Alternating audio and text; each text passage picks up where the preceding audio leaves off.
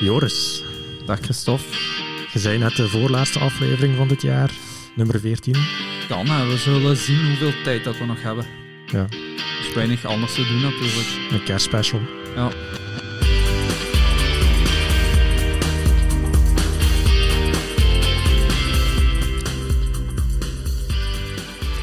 We zijn toch aan 14 geraakt?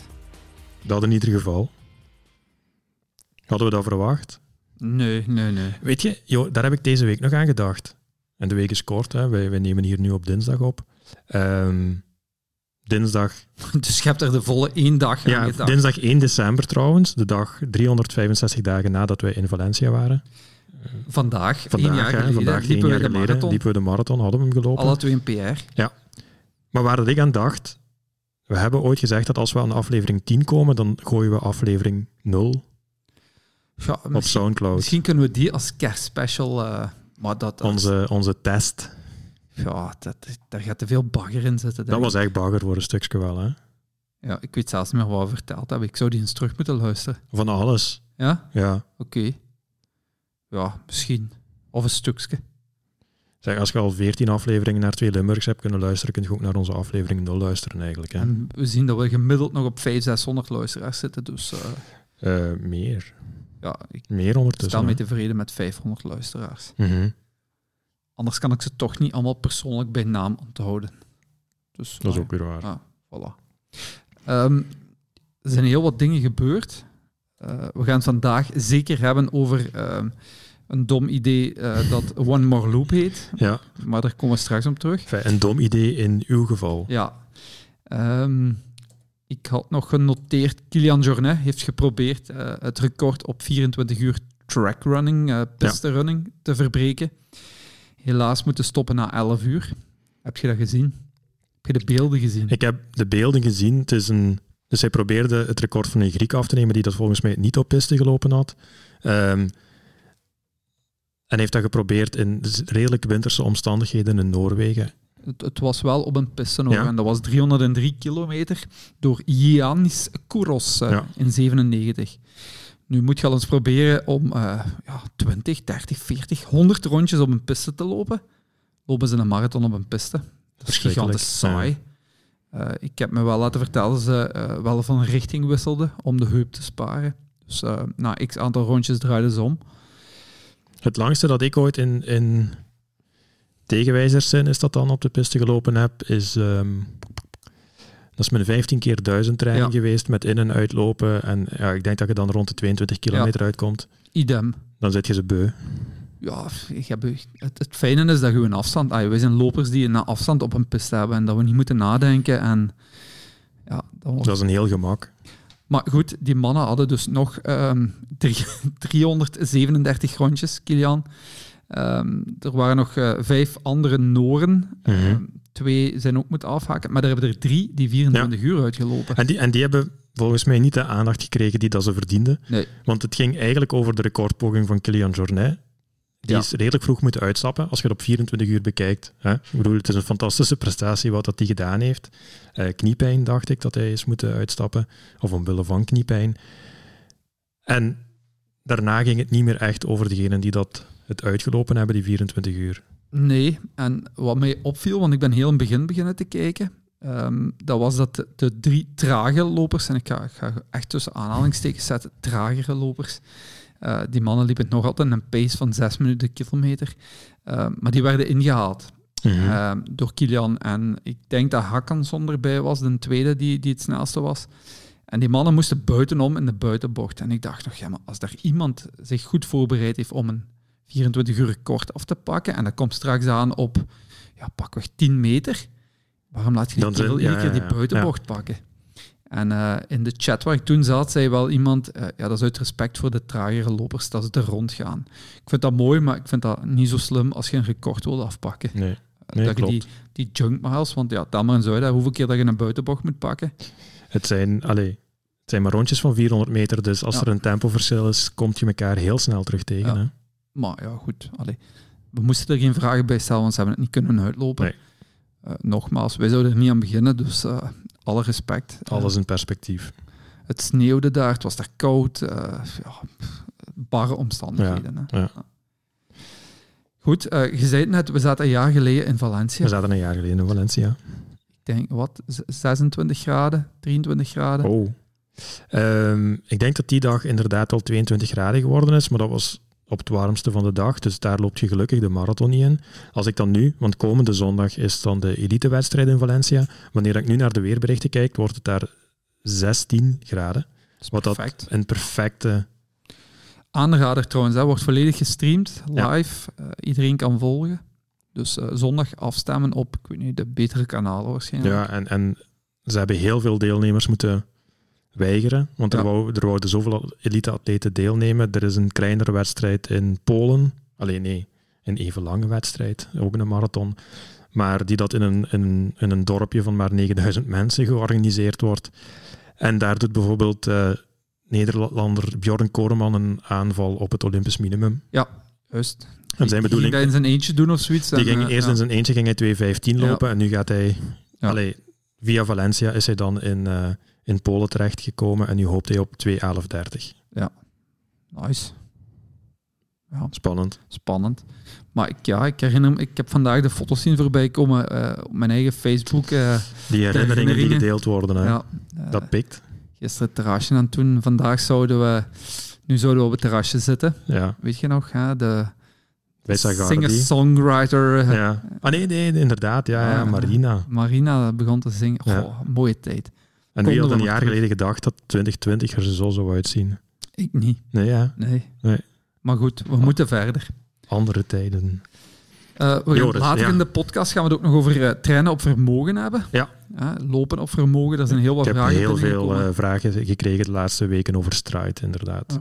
Ja. Maar we zullen beginnen met het begin. Ja, Domme ja. plan. Je hebt gezegd van voor u wordt het een plezante podcast, want je kunt het mij naar mijn oren geven.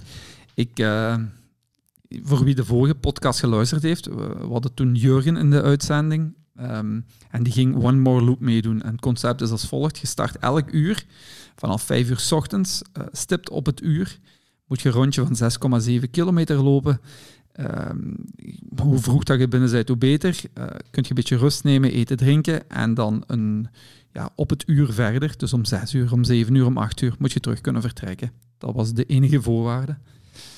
En ik had het eh, in, de, in de aflevering laten vallen. Ja, het eh, intrigeert mij wel. Misschien ga ik meedoen. Christophe heeft gezegd, eh, doe dat niet.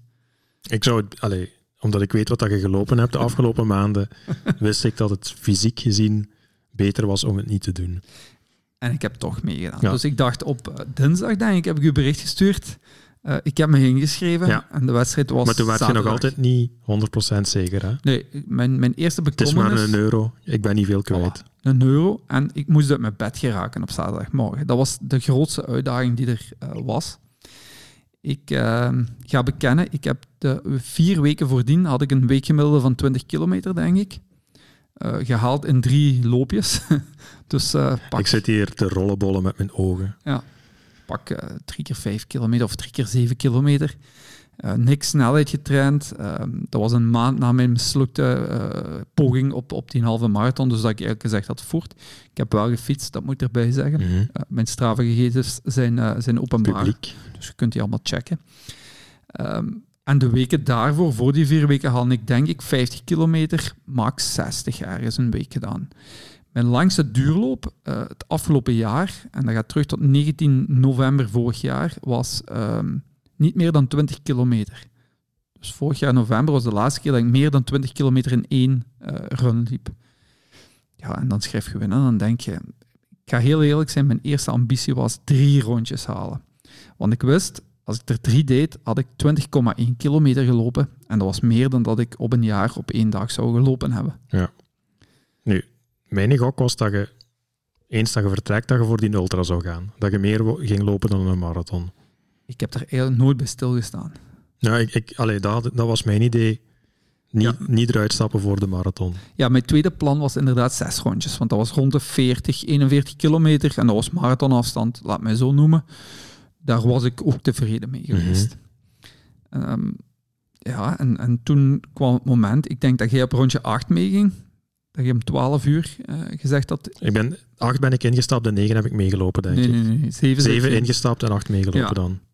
Dus mijn plan was al ja, zes gedaan. Ik zal maar doorlopen tot Christophe een hele meeloopt. Uh, ik ga even spoilen. Hij heeft niet één keer één rondje meegelopen. Dus hij heeft twee halve meegelopen. Dat is niet waar. Schande. Ik ben ingestapt en uitgestapt, maar ik heb, in totaal heb ik zeven kilometer met u meegelopen. Maar over twee rondjes. Wauw. ja.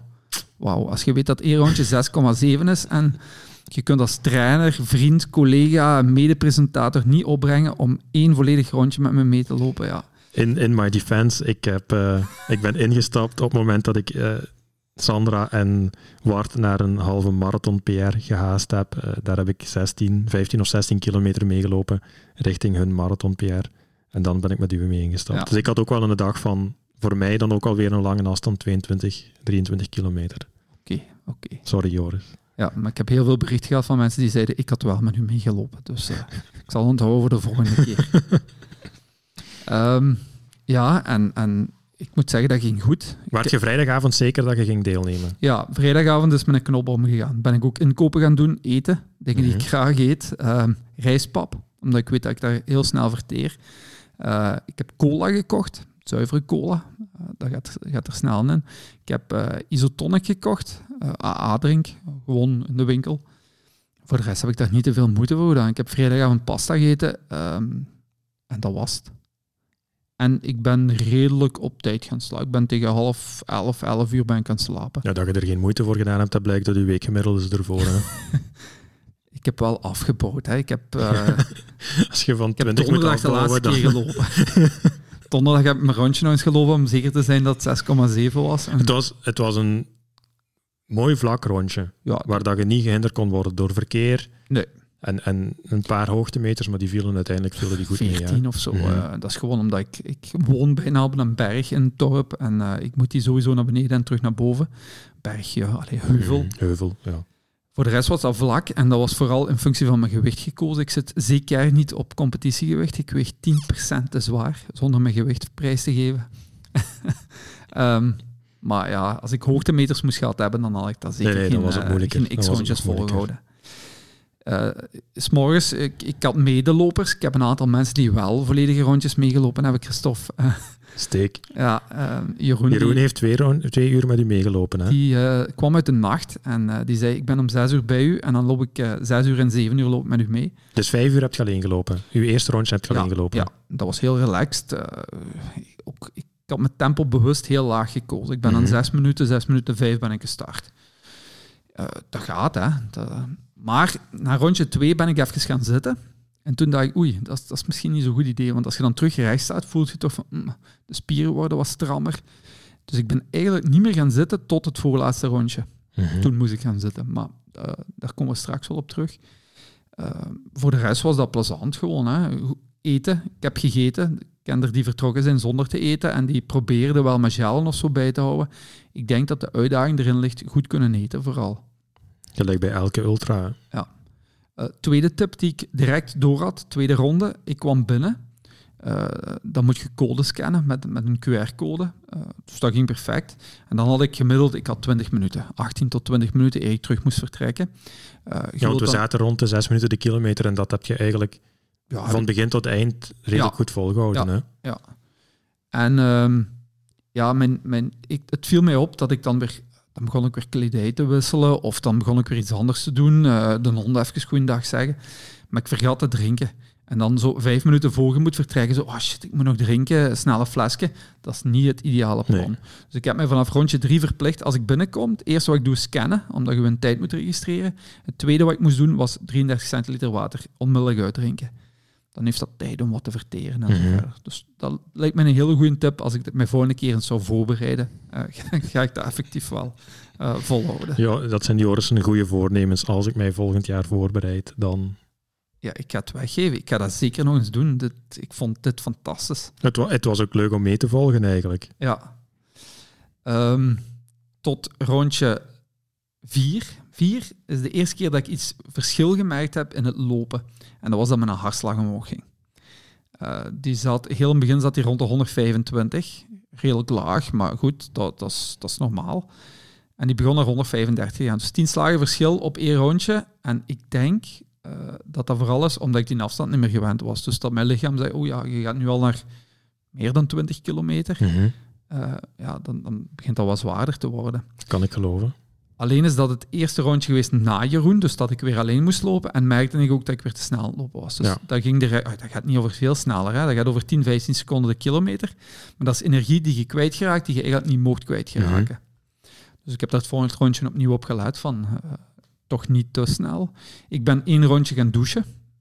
Dat deed enorm goed. Eh, binnenkomen, up, direct naar, boven, ja. eh, douchen, andere kleren aan en opnieuw klaarstaan.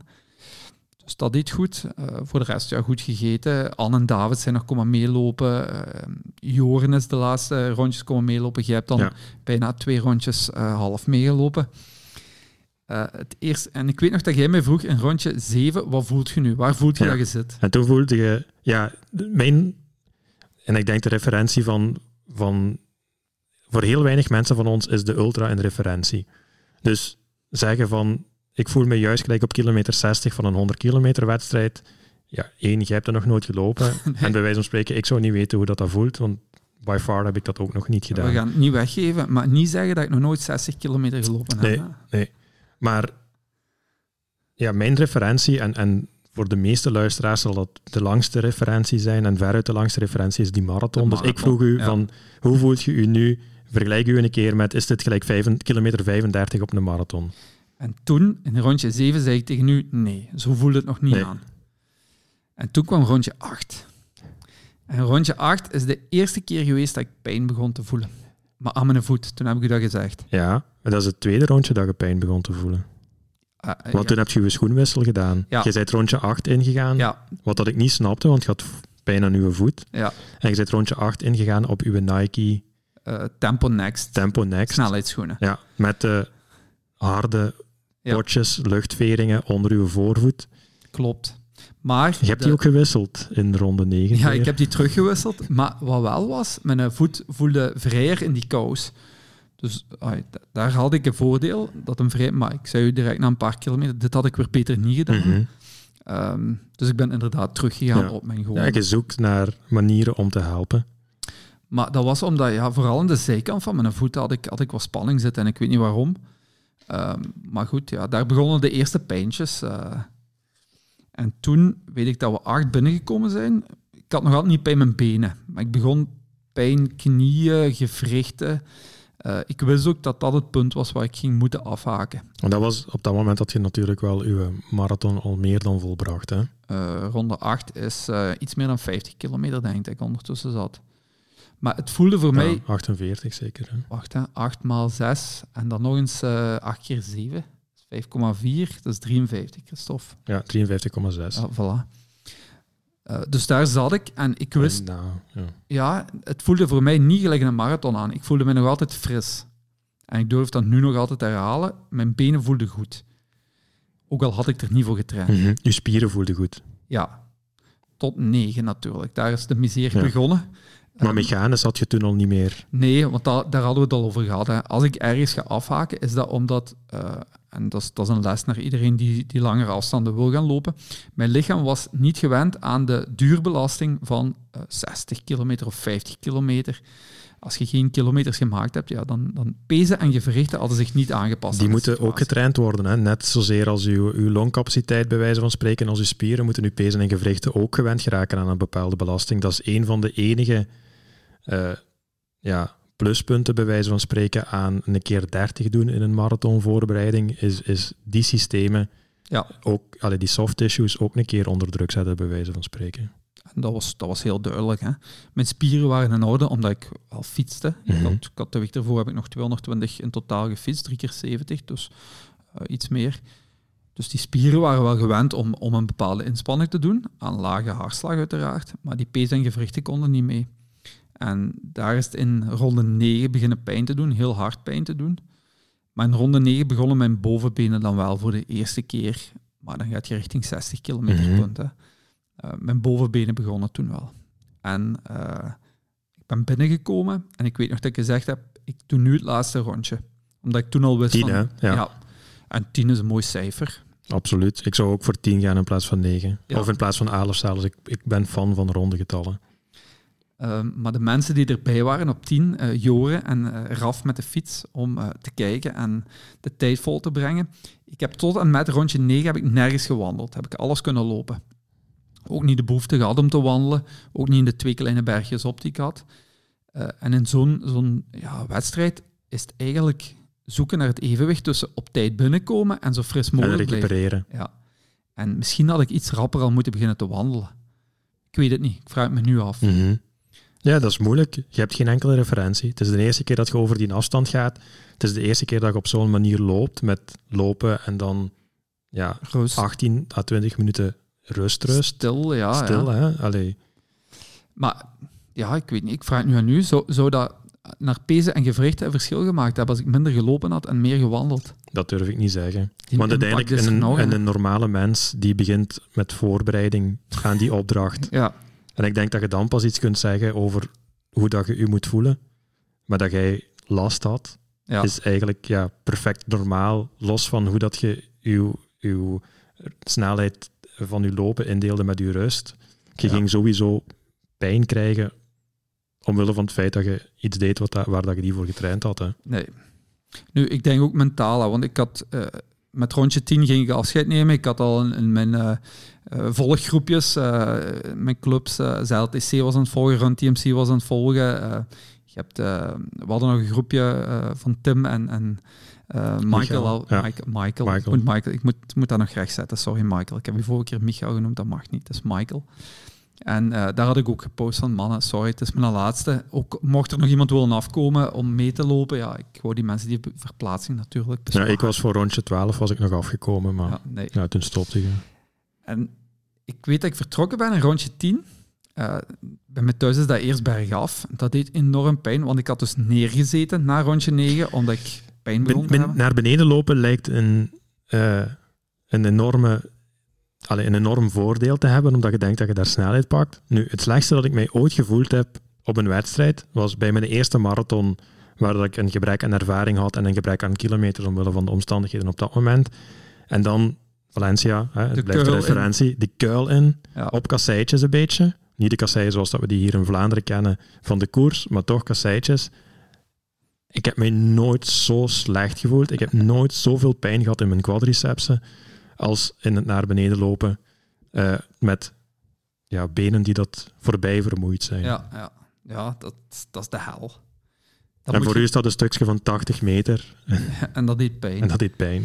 En toch, toen ik daar voorbij was en terug aan het lopen was, want ik had nog altijd niet gewandeld tot dan, toen zei ik tegen Joren en Raf, eh, mannen, we gaan 11 ook nog doen. Ik voel me goed, we gaan 11 doen. En dan ben ik halverwege gekomen, rond kilometer 3. En dan moest ik een heel klein bergje Ja. op. Ja. En daar heb ik de eerste keer gezegd, jongens, deze ga ik wandelen. Ehm, en dat is de eerste keer dat ik gewandeld heb. Mhm. Nadien heb ik nog twee keer gewandeld, want natuurlijk als je één keer begint te wandelen, Ja, is dan is het... zeep. eh, ja. Ah, zo voelen het bij mij toch aan. Ehm, en eh, goed, ik ben op 50 minuten binnengekomen, denk ik. Dus ik had nog altijd marge, want Ja, ja, maar goed, op is op, hè, Joris. En, en alweer, je had er niet aan moeten beginnen, dus dat je tot 10 hebt volgebracht, is, is, een, is eigenlijk fantastisch. ik, ik ben eigenlijk gestopt, één, omdat het echt, het deed echt pijn. En ik zal zelfs vertellen wat ik nadien gevoeld heb, dat is nog erger. Eh, dus deed pijn. Pijn is tijdelijk, pijn zit in je hersenen, dus je kunt dat wel een beetje omzeilen. Twee, eh, mijn lieftallige vrouw had gezegd, ja, maar doe door, je hebt nog niet gewandeld. Als je nog niet gewandeld hebt, heb je toch nog één of twee rondjes dat je mee kunt wandelen. Dus het plan was, ja goed, ik kan nog een kilometer lopen, eh, 500 meter wandelen en wisselen en gewoon zien dat ik mij binnensleep. Maar ik kon het mentaal niet meer Nee. opbrengen om die laatste ronde, want dat ging, dat ging ja, had, had mij kruis meegegeven en ik had gewoon de, de volledige eh, tocht van Jezus nog overgedaan, denk ik, een uur lang. En dat wou ik niet, omdat ik wist dat het gewoon de kruistocht Ja, ging zijn, ja, die laatste ronde. Dus heb ik met opgeheven hoofd eh, afscheid genomen en gestopt tien. op, op tien Ja, rondjes. ik vond het mooi. Ik vond het mooi. En ik zag dat ik bij de laatste, ik denk dat ik binnen de eerste 75 of de laatste Mhm. vijf- 75 overblijvers zal ik. En toen heb ik met ontzag Maar om en bij de 180 twee- vertrekkers. 200, 205. Ah, Dus ja, ik zit een, een derde, het eerste Mhm. een derde stuk. Maar toen heb ik met ontzag verder gekeken naar de echte helden die vanaf toen pas gingen beginnen. de, de uitval wordt vanaf dat moment... Waanzin. Ja, Ja. Ik, ik vond nog heel weinig uitstap op 10. Want uh, ik weet niet of het met u erover gehad hebt, dat je zei van, dat gaat het punt zijn dat heel veel stoppen. Mhm. Dus als je nog één doet, kun je nog een heel pak volk voorblijven. Ik denk dat er maar zes man op tien gestopt zijn. Mhm. Eh, elf ook nog, twaalf denk ik dat uh, de meeste uitgestapt ja, zijn. Ja, en, en daarna stap je niet meer uit, omdat je dan gewoon weet, bij wijze van spreken, van ja, allee, nu, nu ben ik zo kort bij 11 uur. Ja. Dat het... Uh... Ja, toch. Uh, er zijn er 14 overgebleven. Ja. Dus nogmaals proficiat aan die 14 helden. Maar je ziet toch dat die, die afscheiding in rondje 17, 18 ook nog groot is hoor. Mm -hmm. Als het op is, is het op. Ja. En, ik, ik, ja, ik heb meer respect gekregen wel voor de mensen die de laatste ronde wel nog geprobeerd hebben. Dus je ziet dat heel schoon in de tijden. Uh, mensen die zo op 57 nog binnenkomen, of daar weeg je dat titel laatste. Ja, ik ben niet tot laatste, laatste geweest. Nee. Nee, nee, nee, nee. Ik had nog een ronde eigenlijk buiten tijd moeten binnenkomen, of juist binnen tijd. Mhm. En dan was ik tot het einde geweest. Uh, dus dat heb ik niet gedaan. Um, maar ja, dat, dat, zijn, dat zijn echte helden. Hè. Uh, waar ik vooral naar gekeken heb nog was uh, rondje 15. Um, dat is bij deze ook mijn volgende doel. Dat is, dat is zoiets, dat wil ik nu wel halen. 15. 15, want dat is de 100 kilometer punt. Ja. Ja, dat weet je, nummers, hè, dat speelt weer met nummers.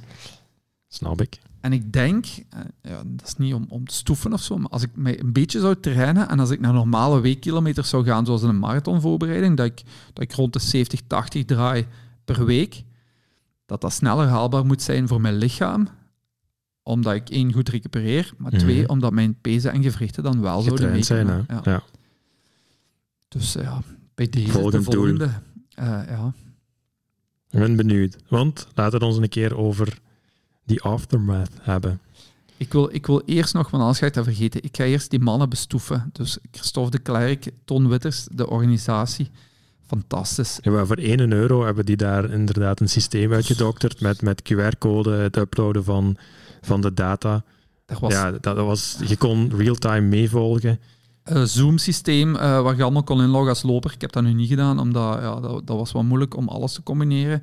Ik scande gewoon, mijn tijd zat er automatisch in, iedereen kon volgen. Ehm, we hebben achteraf nog, eh, dat kun je op Insta wel zien, eh, hebben nog een, een certificaat Ja. gekregen eh, op maat.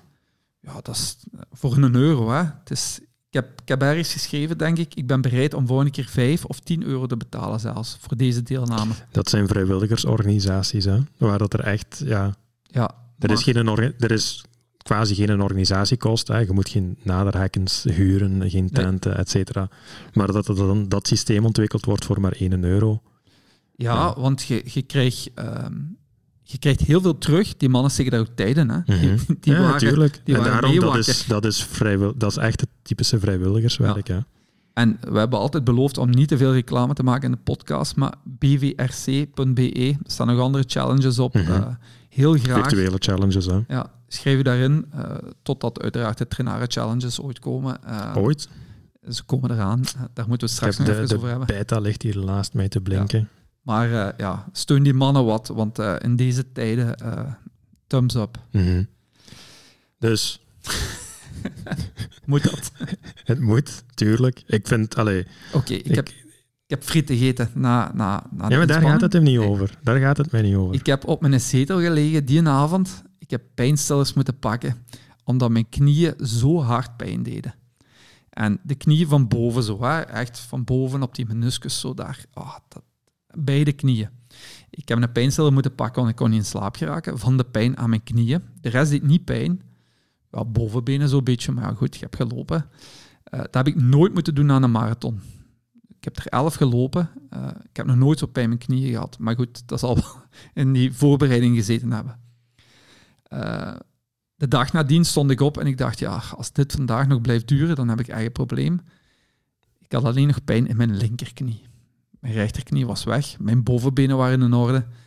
En ik heb op de rollen gezeten s'avonds en de dag daarna had ik nergens niet meer pijn. Wat zag er goed uit? Dat zag er heel goed uit. Eh, ik ben dinsdags opnieuw gaan lopen. Dus zaterdag die challenge. Ik ben dinsdag opnieuw gaan lopen. Het rondje van 6,7 Mhm. kilometer. Omdat ik er niet genoeg van kreeg. Ik ben woensdag gaan fietsen. eh, 80 kilometer. En wat heb ik nog gedaan? Eh, ik ben de donderdag of de vrijdag nog gaan lopen. Ik ben zaterdag gaan fietsen. 80 kilometer. En toen kwam zondag. Eh, dus een dikke week nadien. uh, duurloopje van 20 kilometer gepland, omdat ik terug mijn volume wat wil ja. opkrikken, omdat ik graag nog eens een lange duurloop zou doen in de komende periode. En ik ben na 11 kilometer moeten stoppen. Kapot. Ja. Linkerknie, niet meer van boven. Die pijn is weg. Maar uh, wie ITB gehad heeft of ITB uh, kent, uh, die pijn. Dus, de lopersknie, hè? Ja, Algemeen voilà. bekend als de lopersknie. Links onder de knie aan de zijkant. Um, ja, een druk en een pijn. Mm -hmm. en dan weet je dat die een band is. Iliotibiale band. Voilà, die. Ik durfde het niet uitspreken, want ik ging het toch weer verkeerd zeggen. die band doet pijn. en ja, dat gaat waarschijnlijk een terugkerend probleem zijn nu in de komende weken. Ja. En dat is puur overbelasting. Dat is iets waar dat je meestal niet na één training van verlost bent. Um, ik voel niks meer. Het is twee dagen nee, nadien. Ja. Uh, ik ga korte afstanden ga ik kunnen lopen. Komt typisch op wanneer dat je aan het lopen zijt, inderdaad. Ja. Um, dus ja, het zal veel fietsen worden. Uh, het zal een beetje lopen worden tot de pijn opkomt. Dus je moet je voorstellen, het is uh, zondag namiddag. Joris stuurt dat berichtje van... het is heel lang geleden dat ik dit heb moeten doen, maar ik heb Inge een berichtje moeten sturen van ja, komt je mij ophalen? Want ik, ik ben gestrand. Mijn, mijn vrouw is mij de eerste keer zelfs, dat is nog nooit ah, gebeurd. Dat is nog nooit gebeurd. Is ja. de eerste keer moeten komen halen omdat ik acht kilometer van thuis was en echt niet verder kon. En die twee à drie WhatsApp-berichtjes verder stelt hij mij de vraag, en ik ben zo'n coach, hè, um, stelt hij mij de vraag, kan ik 22... Geef mij een schema. Ja. Hoe bereid ik nu het beste een marathon voor rond kerstmis? Ja, binnen 19 dagen. Ja. ja, ik, ik, ik heb, heb daarop gestuurd niet. Ja. En daar blijf ik ook bij. Ik weet het. Je kent mijn standpunt. Hè? De, de, de, volgende aflevering zal duidelijk worden of ik hem ga lopen of niet. Je gaat hem niet lopen, Joris. Ja, ja we zullen zien. maar bij deze mogen we wel eens oproepen uh, naar onze luisteraars. Uh, herken de signalen in uw lichaam. Ja, absoluut. Natuurlijk. Het is, um, en weet dat er gevolgen zijn aan domme plannen. Ja, je, moet voorbereid. Daarom heb ik ook altijd zoveel ontzag voor de marathon. En ik ga. Ik, en dat is, ik heb er nog maar vier gelopen, maar ik hoop echt dat ik dat blijf volhouden. Ik wil telkens mijn naam zien op de Wall of Fame, die dat er daar staat. Ik wil die gaan zoeken, ik wil daar een foto mee hebben. Want 42 kilometer loopt je niet zomaar. En je kunt zeggen dan, eh, Joris zei dan van ja, dan loop ik hem wel trager hè, als, het, als het moeilijk is. Maar een tragere marathon betekent gewoon nog meer time on your feet. Ja. Je duur van je inspanning, het blijft of 42 kilometer of het blijft lang.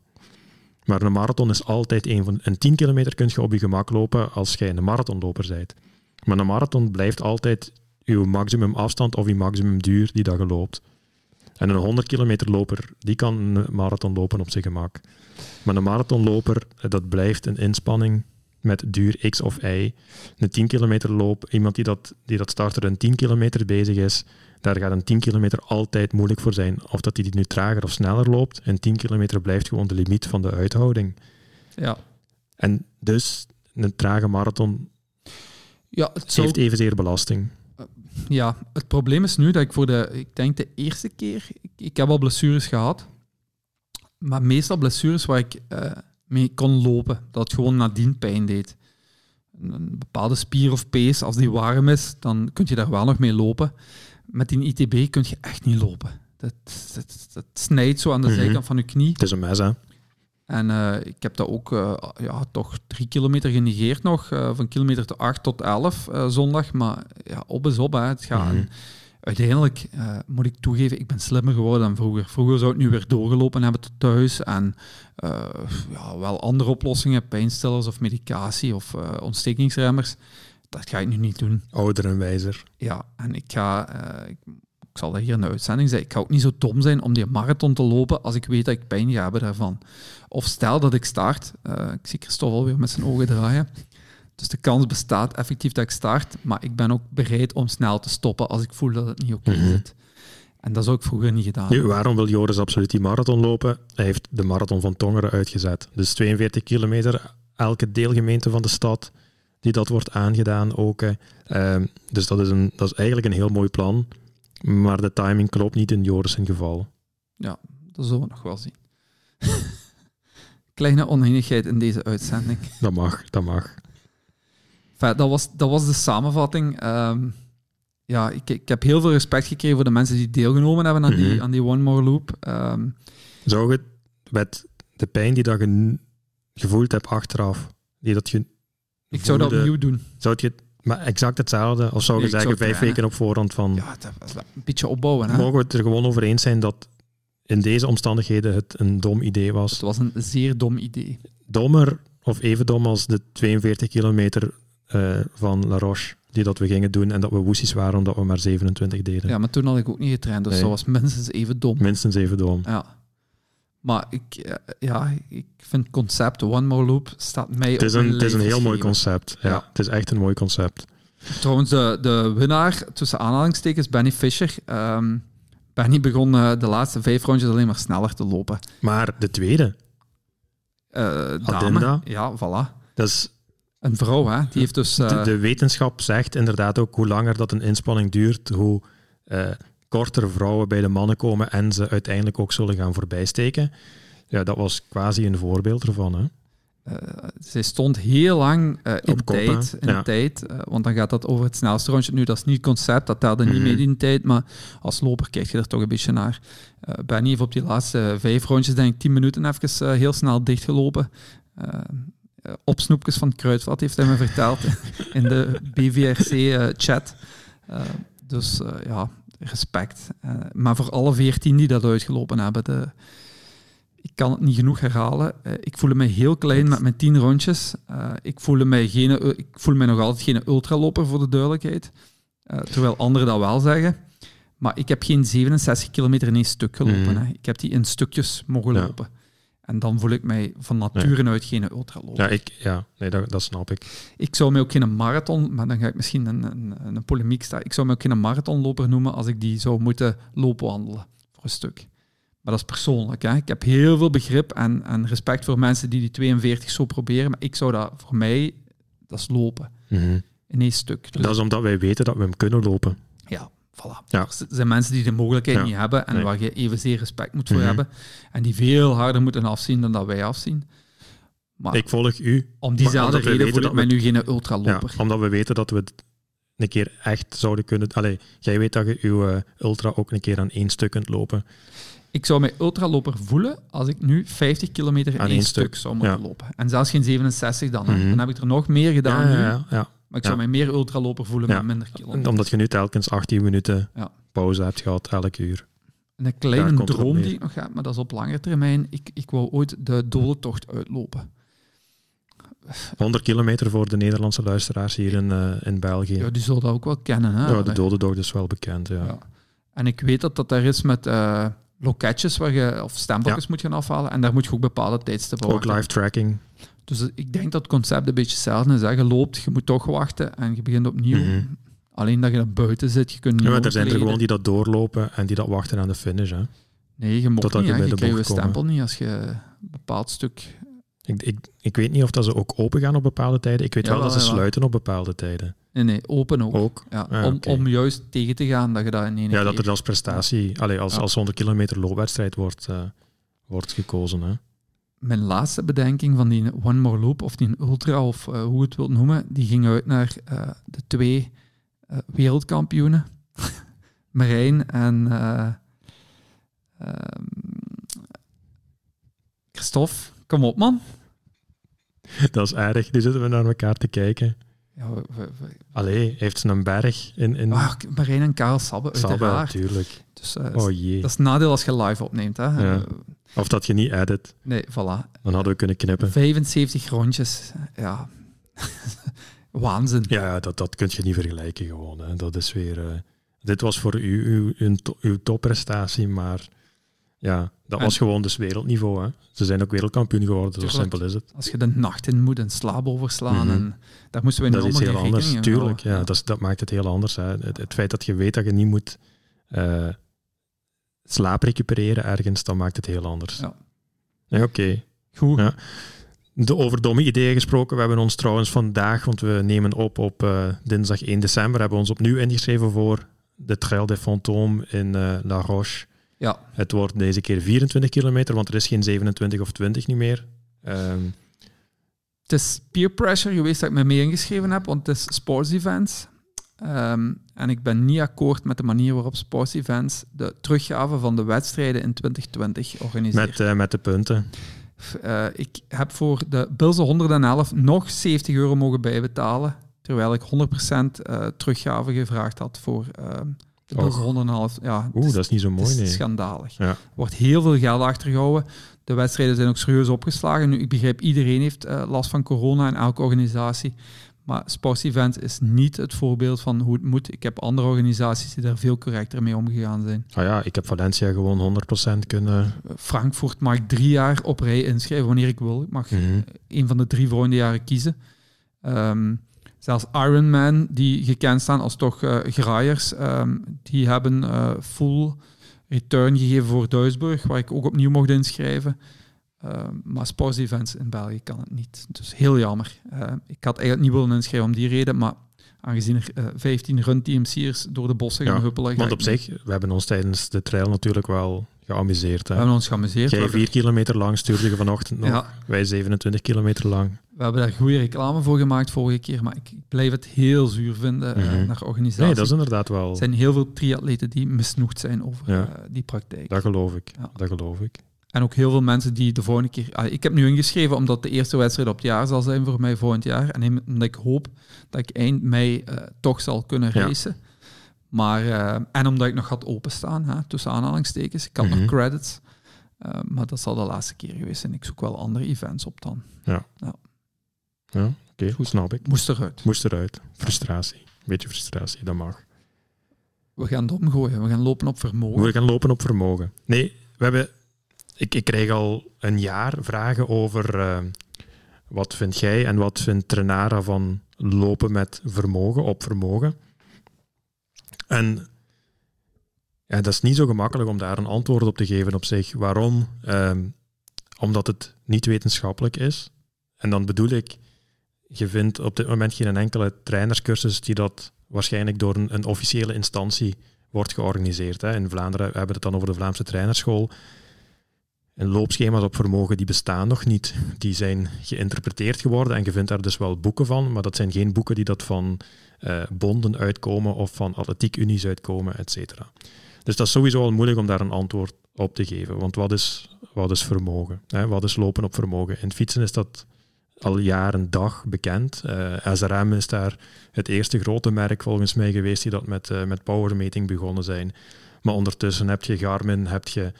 Uh, Stages, zelfs, 4i, ja, uh, noem maar op. en, en kleinere merken, challengers, die dat...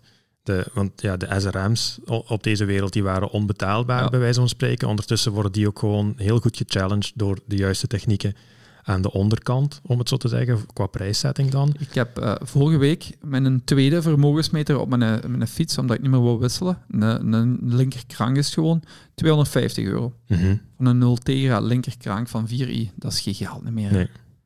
Nee. nee, als je dat vergelijkt met de, met de SRM-systemen van 3, 4, 5, 6.000 euro in de tijd. Ja. Ik weet niet op hoeveel SRM nu zit, maar... Uh, ik ja, denk dat, dat er zelfs bijna een tv op je scherm hing, dat dat zo groot was. Dat, was, dat, dat is gigantisch, hè? Ja. ja. Uh, op je ja. fiets, op je stuur bedoel ik, ja.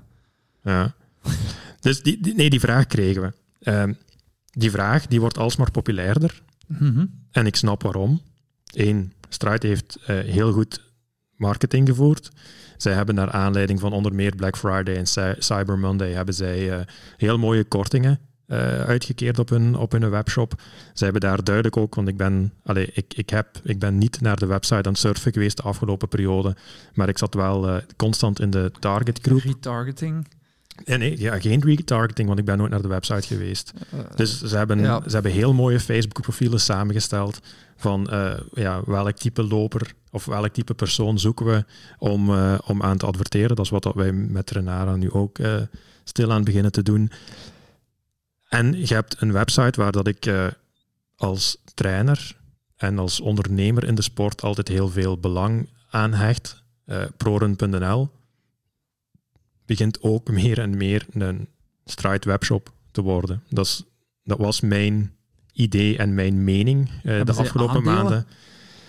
Ja, zo, daar lijkt het soms in ieder geval toch wel op. En, en ik wou daar, ik ga nooit negatieve commentaar geven, hè, um, maar mijn mening werd gedeeld door mensen die dat wel reageerden op hun, uh, op hun posts. dus wat, wat ziet je is dat uh, ja, er, er zijn strides te koop via, uh, via prorun.nl. En je hebt ook gewoon enkele bloggers daar die dat, die dat boeken geschreven hebben rond hardlopen met power. En het komt altijd neer op ja, het bewieroken van lopen met power. En ik ga niet zeggen dat dat verkeerd is. Hè? Dat, dat ga ik niet zeggen. Maar je staat gewoon qua kennis nog niet ver genoeg. En wat is het heel grote probleem? Je spreekt over hardlopen met power, maar je meet geen wattage.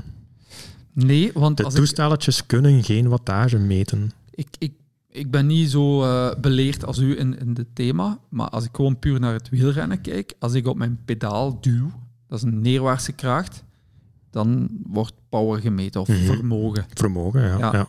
ja. Um, maar die pots die zitten van bovenop uw schoen, dus die meten geen dat gaat, duwkracht. Nee, dat gaat niet. En, en dus daar begint en eindigt al elke discussie, bij wijze van spreken. Dus wat doen zij? Zij doen het algoritmes. Mm Dat betekent dat zij op basis van de versnelling, de, de schokbeweging en de grondcontacttijd, et cetera, gaan zij een, een, een powerwaarde berekenen.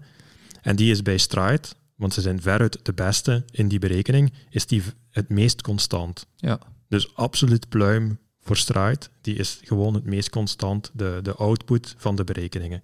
Dus Polar die dat er in horloges hebben zitten, Garmin die dat er in hun horloges hebben zitten, die komen niet aan de constante waarde van, um, van Stride. Nu, het blijft wel een berekening. Ja. Dus het meet geen power, het berekent power, het berekent een wattage. Um, en daar zijn, allee, ik bedoel, dat is niet eens een leugen. Hè. Uh, er zit gewoon een, uh, er zit een barometrische hoogtemeter in uw stride. Ja, maar die zit ook in een horloge. Die dat ook in een horloge en zo zit. Maar gewoon het feit dat dat toestelletje erin zit, dat wil al zeggen, wat doen, waarom hebben ze die barometer nodig? Om uh, hoogtes te gaan berekenen en hellingsgraden te gaan berekenen om te zeggen dat je mocht vertragen in het berg oplopen, omdat je daar evenveel kracht zet als in het vlaklopen bijvoorbeeld. Maar gewoon het feit is dat die dingen daarin zitten, een barometer, een, een versnellingssensor, et cetera. Ja, dat is gewoon al omdat er dus geen rechtstreeks wattage kan gemeten worden. Ja. Dus wanneer dat, ja. Als ik, als ik mij goed herinner, Nike heeft ooit een, een pot gehad. Nike heeft een pot gehad. Die je in de schoen kon steken. Ja, dus Want moest ik, moest ik designer zijn van iets vermogen met schoenen, gewoon even brainstormen, dan zou ik het vermogen proberen te meten in de zool van de schoen. Want dat is het, moment waar je druk kunt meten. En dan is de vraag, waar plaats je die in die schoen? Zet je een haklander, zou je hem op de hak moeten zetten, want dat is waarschijnlijk het moment waarop dat je het meeste impact hebt. Zet je een voorvoetlander, ja. dan zou die, of moet je, moet je kracht meten op het moment dat je afstoot? Dat is een vraag, ik ken daar het antwoord niet op, dat is vooral een biomechanische vraag. Maar waarom doet niemand dat dan? Omdat, volgens mij, Nike heeft die voetpotjes gehad. Hè, dus dat was, je, nam je zooltje uit de Nike-schoen, dan zat daar een, een, gat in. Een, gat in hè? Um, een, een langwerpig gat zat er daarin met afgeronde allee, ja, hoeken. Um, en daar kon je een potje in steken dat dan eigenlijk ook gewoon een, een foodpot was, zoals dat we die op dat moment ook kenden van Polar. Uh, die dat afstand en, en... Maar wij spreken straks over tien jaar geleden of zoiets. Langer. Ja. Langer. Want moet ik, een reden dat zijn waarom dat niet verder ontwikkeld is. Ah ja, omdat, dat, omdat Nike zich niet meer bezig heeft gehouden met het ontwikkelen van hardware.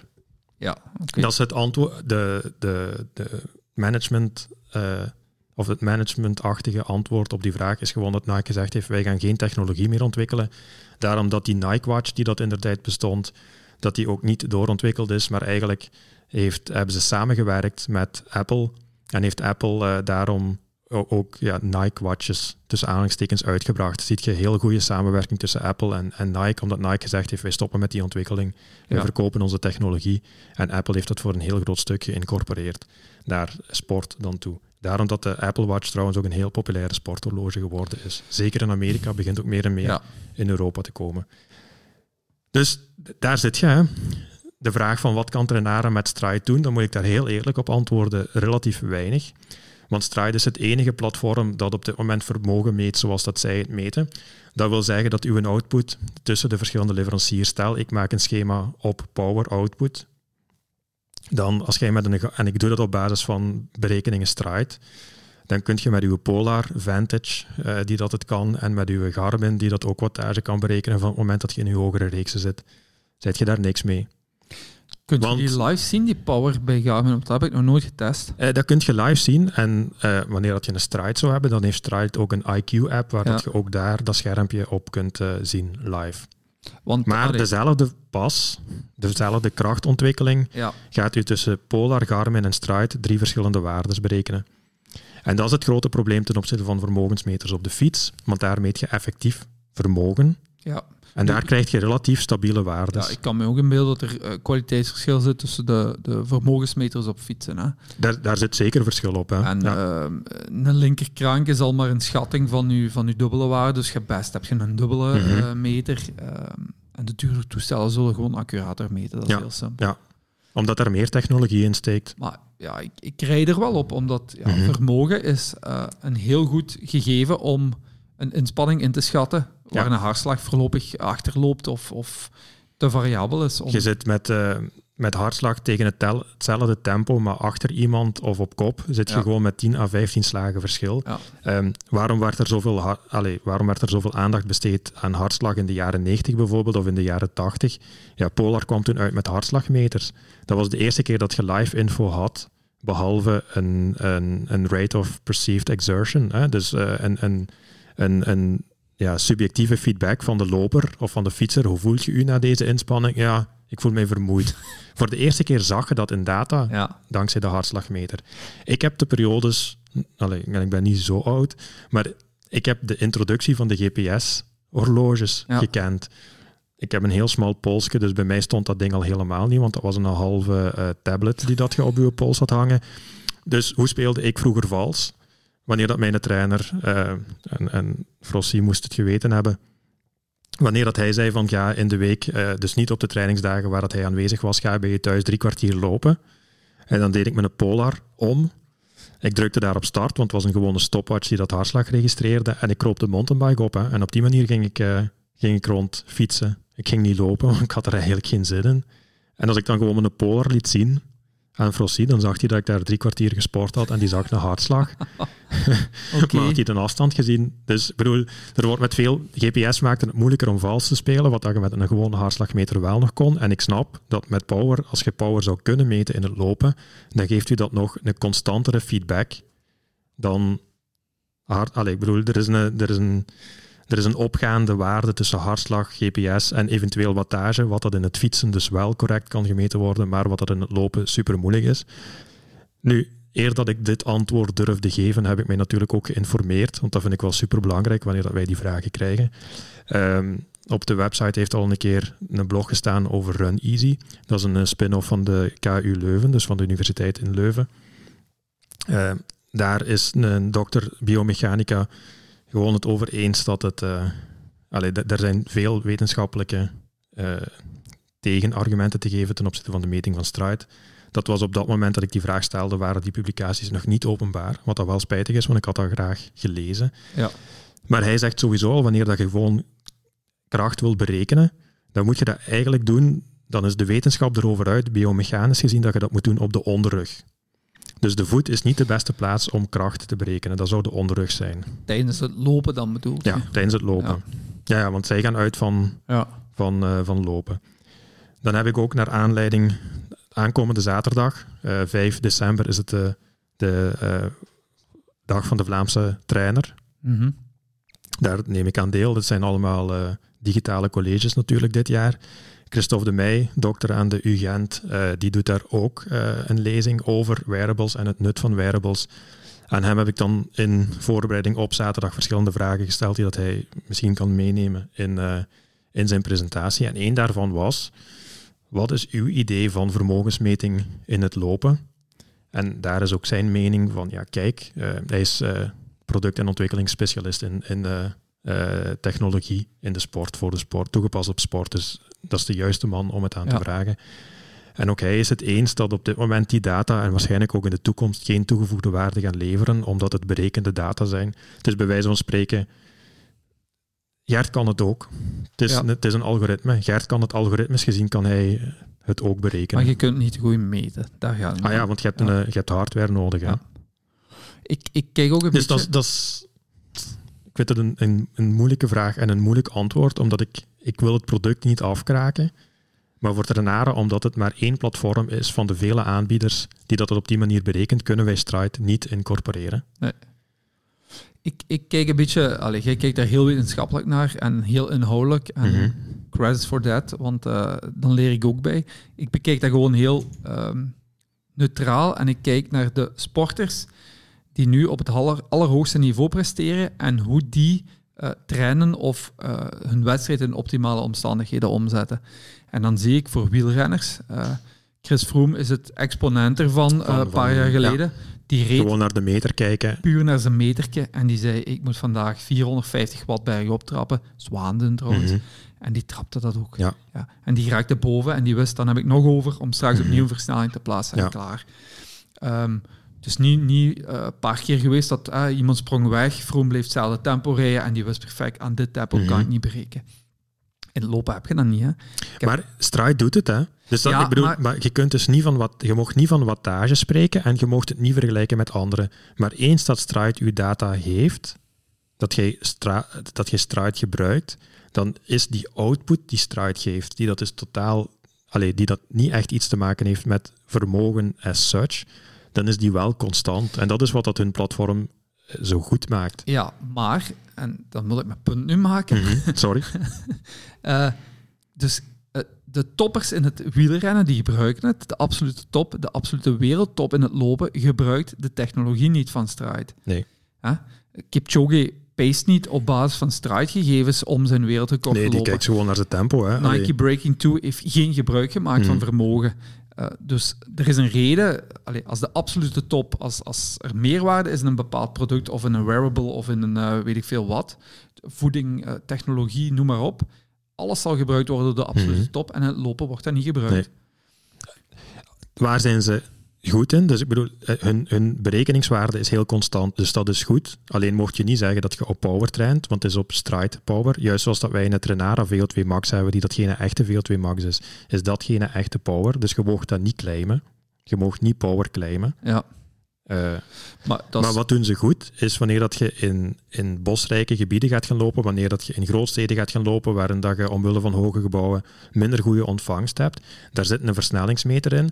Dus los van de GPS van je horloge gaat die ook afstand en tempo gaan berekenen. En dat is veel correcter wanneer dat je een falende GPS-ontvangst hebt, Ja. is die berekening van eh, Stride veel correcter dan de footpods die dat we in de tijd voor GPS bestond ja. eh, ooit zagen. Dus dat is echt het bloemetje dat ze moeten toegegooid krijgen. Alleen is de vraag, geeft je daar 200 euro aan of stelt je je dan tevreden met een slechte GPS-ontvangst?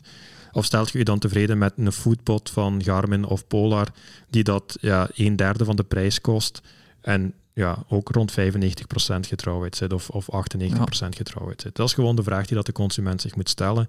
Ehm, maar het is een mooi platform, eh, Stride, maar alleen voor hun gebruikers. Ja. Het is niet breed toepasbaar omdat het niet wetenschappelijk genoeg onderbouwd is. Omdat er geen treinen, allee, er zijn geen cursussen tussen aanhalingstekens. Dus het moet altijd vertaald worden. Het moet altijd vertaald worden. Nu, moest er iemand van Stride een bemerking hebben of zo, kunnen we altijd wel eens eh, contact nemen. Hè? Ja, allee, alweer, het, is geen, ik, ik, allee, het is geen verwijt, maar alleen klopt het niet. ja. Dus SRM meet power. Eh, uw i4 daar, die meet de power. Ja. En Stride doet dat niet. Stride berekent power. En dat is gewoon, dat is, dat is een verschil waardoor dat wij niet Stride-schema's in de app kunnen zetten, bij wijze van spreken. Of geen power-schema's in de app kunnen zetten, omdat het dan alleen maar Stride-schema's zouden zijn. Ja. En dat als iemand met een Garmin, met een powermeter die volgt, en met de, de, de Phoenixen, daar zit een powermeter in bijvoorbeeld, of iemand met een Polar Vantage waar het ook power in zit, als die dan dat schema volgt, dan zegt hij eh Trenara slash Roze, eh, wat de trainingsschema's betreft, dat trekt hier op niks. Ja. En dat is omdat ze andere dingen berekenen. Dat willen we niet. Nee, dat willen we niet. Goed. Ehm, We zitten op een uur. Het is hier nu drie minuten voor tien. ja, maar En ik moet hier zeggen, ik heb misschien mijn gsm zien oplichten. Ja. Onze appbouwer zit nu nog altijd berichtjes te sturen. Dus die mannen, we zitten met een ontwikkeling, met een lopende ontwikkeling. En ja, die zijn dedicated. Die hebben time management problemen, zou ik Of zeggen. dat kun je ook zeggen. Ja. Ik, zou, ik, ik, ik noem ze liever dedicated. Iemand die na zeven uur nog moet werken thuis. Of, eh, nee, er is zelfs nu een nieuwe versie binnengekomen. Of aan het binnenkomen. Een nieuwe beta-versie. wat mogen we zeker verwachten? Ik heb iets zien verschijnen als de rustknop. Die, die, die heb ik live gezien in beta. Ja, die zit, er, eh, die zit erin. Toen dat je hem gezien hebt, gisteren heb ik dat eh, berichtje gedeeld. Ja. Toen zat hij nog niet in... eh, toen zat er nog geen intelligentie achter, om het zo te zeggen.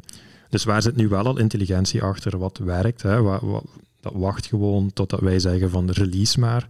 Ehm, dat zijn de trainingsdetails waar dat we het al eerder over gehad hebben. Totale trainingsafstand, totale trainingsduur. Of dat je nu een interval, tempo of een gewone duurloop doet. We berekenen alles uit. De challenges zitten erin. Ehm tested en eh, goedgekeurd, om het zo te zeggen. Ehm, en dan die pauzeknop. Dus we hebben, eh, ja, en die vraag die kwam toch wel, eh, Ja. die kwam vaak uiteindelijk. Hè. Ehm, iedereen raakt wel een keer geblesseerd of raakt zijn goesting kwijt of zit even zonder doel omdat hij net een doel behaald heeft. Ehm, en dan kun je nu eigenlijk die pauzeknop induwen. Dat betekent dat we uw schema on hold zetten, dat wij u geen vervelende berichtjes niet meer gaan sturen, tenzij ene keer per week van medeleven te uiten Ja. van eh, wanneer zien we u terug. En als je een blessure hebt, hopen we eigenlijk dat je er snel van af bent. Dus dan gaan we u gewoon ondersteunen, maar we gaan niet meer zeggen van oei, je Ja. hebt niet getraind. Hè, wat dat redelijk verwijtend klinkt. Ik wil de laatste drie weken niet voorlezen van mijn Voilà, het is dat. En, en ik weet dat we daarvan af moeten. Dat is grappig, wanneer dat je dat, eh, wanneer dat je het echt Ene keer krijgt. Wanneer dat je één of twee keer krijgt, maar ja, gewoon wanneer dat je geblesseerd bent, dan wil je eigenlijk niet dat ik mij afvraag eh, op uw schermpje van Joris, waar zit je mee bezig? Waarom zie ik u niet meer? Et cetera. Dus daarom die pauzeknop. Dat betekent ook dat we, wanneer dat die pauzeknop ingedrukt wordt, kun je die zelf terug activeren. En dan gaan we dan kijken of dat uw doel dat je ooit ingesteld hebt, of dat nog haalbaar is. En dan gaan we u redirecten richting een, eh, een nieuw doel. Dan gaan we voorstellen om een nieuw doel in te stellen. Dat samen met de volgende ontwikkeling, wat betekent hardloopschema's op tijd en niet enkel op afstand. Dat betekent eigenlijk dat we van start-run naar recovery schema's, dat we uiteindelijk alles gaan kunnen linken. En wanneer dat je bijvoorbeeld eh, drie maanden op pauze geduwd hebt, dan neem ik aan dat je doel niet meer haalbaar was en dat je dan eigenlijk gewoon kunt zeggen van oké, geef mij nu een schema. Eh, ik heb een blessure gehad en ik wil op eh, acht weken terug naar 10 kilometer gaan, want ik weet wel dat ik mijn lichaam kan belasten. Dan gaat je dan in, het, in de app een schema gaan vinden. En dus pauzeknop, mocht je nog de volgende tijd verwachten, en dan bedoel ik dagen, eh, dat gaat niet meer over weken gaan, dat gaat sowieso nog dit jaar gereleased worden. En dan de tijdsgebaseerde schema's, daar spreken we over eh, ergens in januari eh, 2021. Dus ook snel, hè, want dat is Ja. relatief, dat is relatief Ja. snel. Dat wil zeggen dat we eh, ja, dat er nu een hele mooie update zit aan te komen. Eh, ook de trainingspagina is herwerkt. We, we beginnen meer en meer aandacht te besteden ook aan, aan user experience. Waar dat we door nu breder te gaan. We hebben mensen in Catalonië die dat de app geïnstalleerd hebben in het Catalaans. Ja, wij hebben natuurlijk geen Catalaanse app, hè? maar hun, hun telefoon staat ingesteld op het Catalaans. Zien we dat daar vertalingsfoutjes in zitten. Dat zij niet overal de Engelstalige teksten krijgen, maar soms ook Nederlandstalige teksten Ja. krijgen, omdat zij een dialect van het Spaans geselecteerd hebben. Ja. Dus wij komen nu eigenlijk op foutjes uit waar dat je als tongenaar niet mee geconfronteerd wordt. Wij komen op meningen uit van buitenlanders die dat niet weten dat wij eh, leuke, joviale Limburgers zijn, bij wijze van spreken, waar dat een foutje wel aan vergeven wordt. Want alleen die jongens proberen Ja. het tenminste. Nee, wie dat de app downloadt in Barcelona of in Birmingham, die denkt van, als jij een app op de markt zet, manneke, zorg dan ook dat, u, dat uw eh, registratie in orde is, dat uw teksten kloppen. Eh, maak het duidelijker dan dat ze nu is. Dat is eerlijke feedback. Dat is soms pijnlijk voor ons om te lezen, omdat je daar volledig over gekeken hebt. Omdat je eigenlijk moet zeggen dat je een fout gemaakt hebt. Maar we nemen die ter harte, dus we zijn daaraan bezig. Er komt een nieuwe registratie, eh, een nieuwe registratieflow, et cetera. Top. Ja. Dus echt, allee, ja, nee, dit is een versnelling hoger die dat we gepland hadden. Daar zijn we echt mee bezig. We kijken er naar uit. We gaan stilletjes afronden. Ja. Eh, ik ga afronden met slecht nieuws. Dat is binnengelopen. Ehm, alsof Glenn Verkruis weet dat we... eh verkruisen dus, Verkruis. Dat we eh, aan het opnemen zijn. Maar hij stuurt mij juist... ehm Bjorn Koreman mag zijn poging vergeten in Polen. Mar- marathon is afgelast. Ja? Ja. Erg. Ja, dat is spijtig. Want ik heb, ik heb toevallig vandaag de laatste podcast van de Suzy Q&A afgeluisterd, waar dat Bjorn ook nog even gebeld wordt en aan het woord gelaten wordt over die marathon in Polen. Hij keek daar enorm naar uit. Nee, maar hij gaat Ja, nergens meer binnen geraken. Ehm, hij weet niet wat de plannen zijn. Ehm, ja, zuur. Dus Ja. eh, ons medeleven Ja, dat, vooral ja, naar... dat zei hij ook nog in de podcast, van hij wist niet of dat hij alleen moest opgaan of dat hij een begeleider mocht meenemen. Dat was op dat moment eigenlijk allemaal nog niet bekend. Ja. Alleen het testprotocol was wel al bekend. Dus dan zitten we hier te zeveren en te zagen over een eh, stomme blessure bij Joris. eh, en zo iemand die daar keihard voor Dat is getraind een, heeft. profatleet met een Olympische droom. Die zit Eh, nu op dinsdag, dus die ging nu naar ja, taper. Ja. Die mocht nu beginnen te eten wat hij wou. Stilaan. Ja, Goh, erg. Ja. Hm. Goed, Eh Bjorn, eh, mocht je luisteren. courage. Courage, Ja, voilà. de kans Heel is goed. klein, maar goed. De kans is klein. Courage. Courage. Ik, eh, ja, ik heb ook gehoord dat Benny Fischer naar onze podcast luistert. Dus dat is de, de next best thing na Bjorn Voilà. Op dit moment. Dan zoals Clarkson in Top Gear afkondigde en on Dead Bombshell. ja, voilà. We gaan afronden. Ehm, wat 15 gaat brengen, weten we nog niet. We zijn blij dat 14 weer eh, ingeblikt is. Ja. Eh, suggesties mogen altijd doorgestuurd worden. We luisteren er altijd naar. Stuur even via Insta of via Facebook. Ehm, wat zou je graag horen? Waar denk je nog aan? Wat weet je zelf niet? Eh, opmerkingen. We gaan volgende keer eens terugkomen. Ik heb een opmerking gehad over het, het nut van vooraf hydrateren. Ik ga nu niet verder op uitweiden, maar daar gaan we zeker eens op terugkomen. Dat hebben we al een keer licht aangeraakt. Daar kunnen we inderdaad nog verder op gaan. Dus op, op zo vragen of op bemerkingen of dingen die wij verkeerd zeggen of waar je denkt van ik heb een andere ervaring die beter is, laat dat weten, eh, want dan kunnen wij die mening weer delen met anderen. Ja. Ja. Zo wordt iedereen wat slimmer op deze wereld. Voilà. Voilà. Ja. Hou het veilig. Christophe. Yes. Druk maar op het knopje. Voilà, Sam. Joris, We zijn aan het afsluiten. Tot binnen een week of twee, drie dan. Hè. Zoiets. We zullen proberen nog minstens één aan op te nemen. Ça va. Okido. Ciao, ciao. Dag.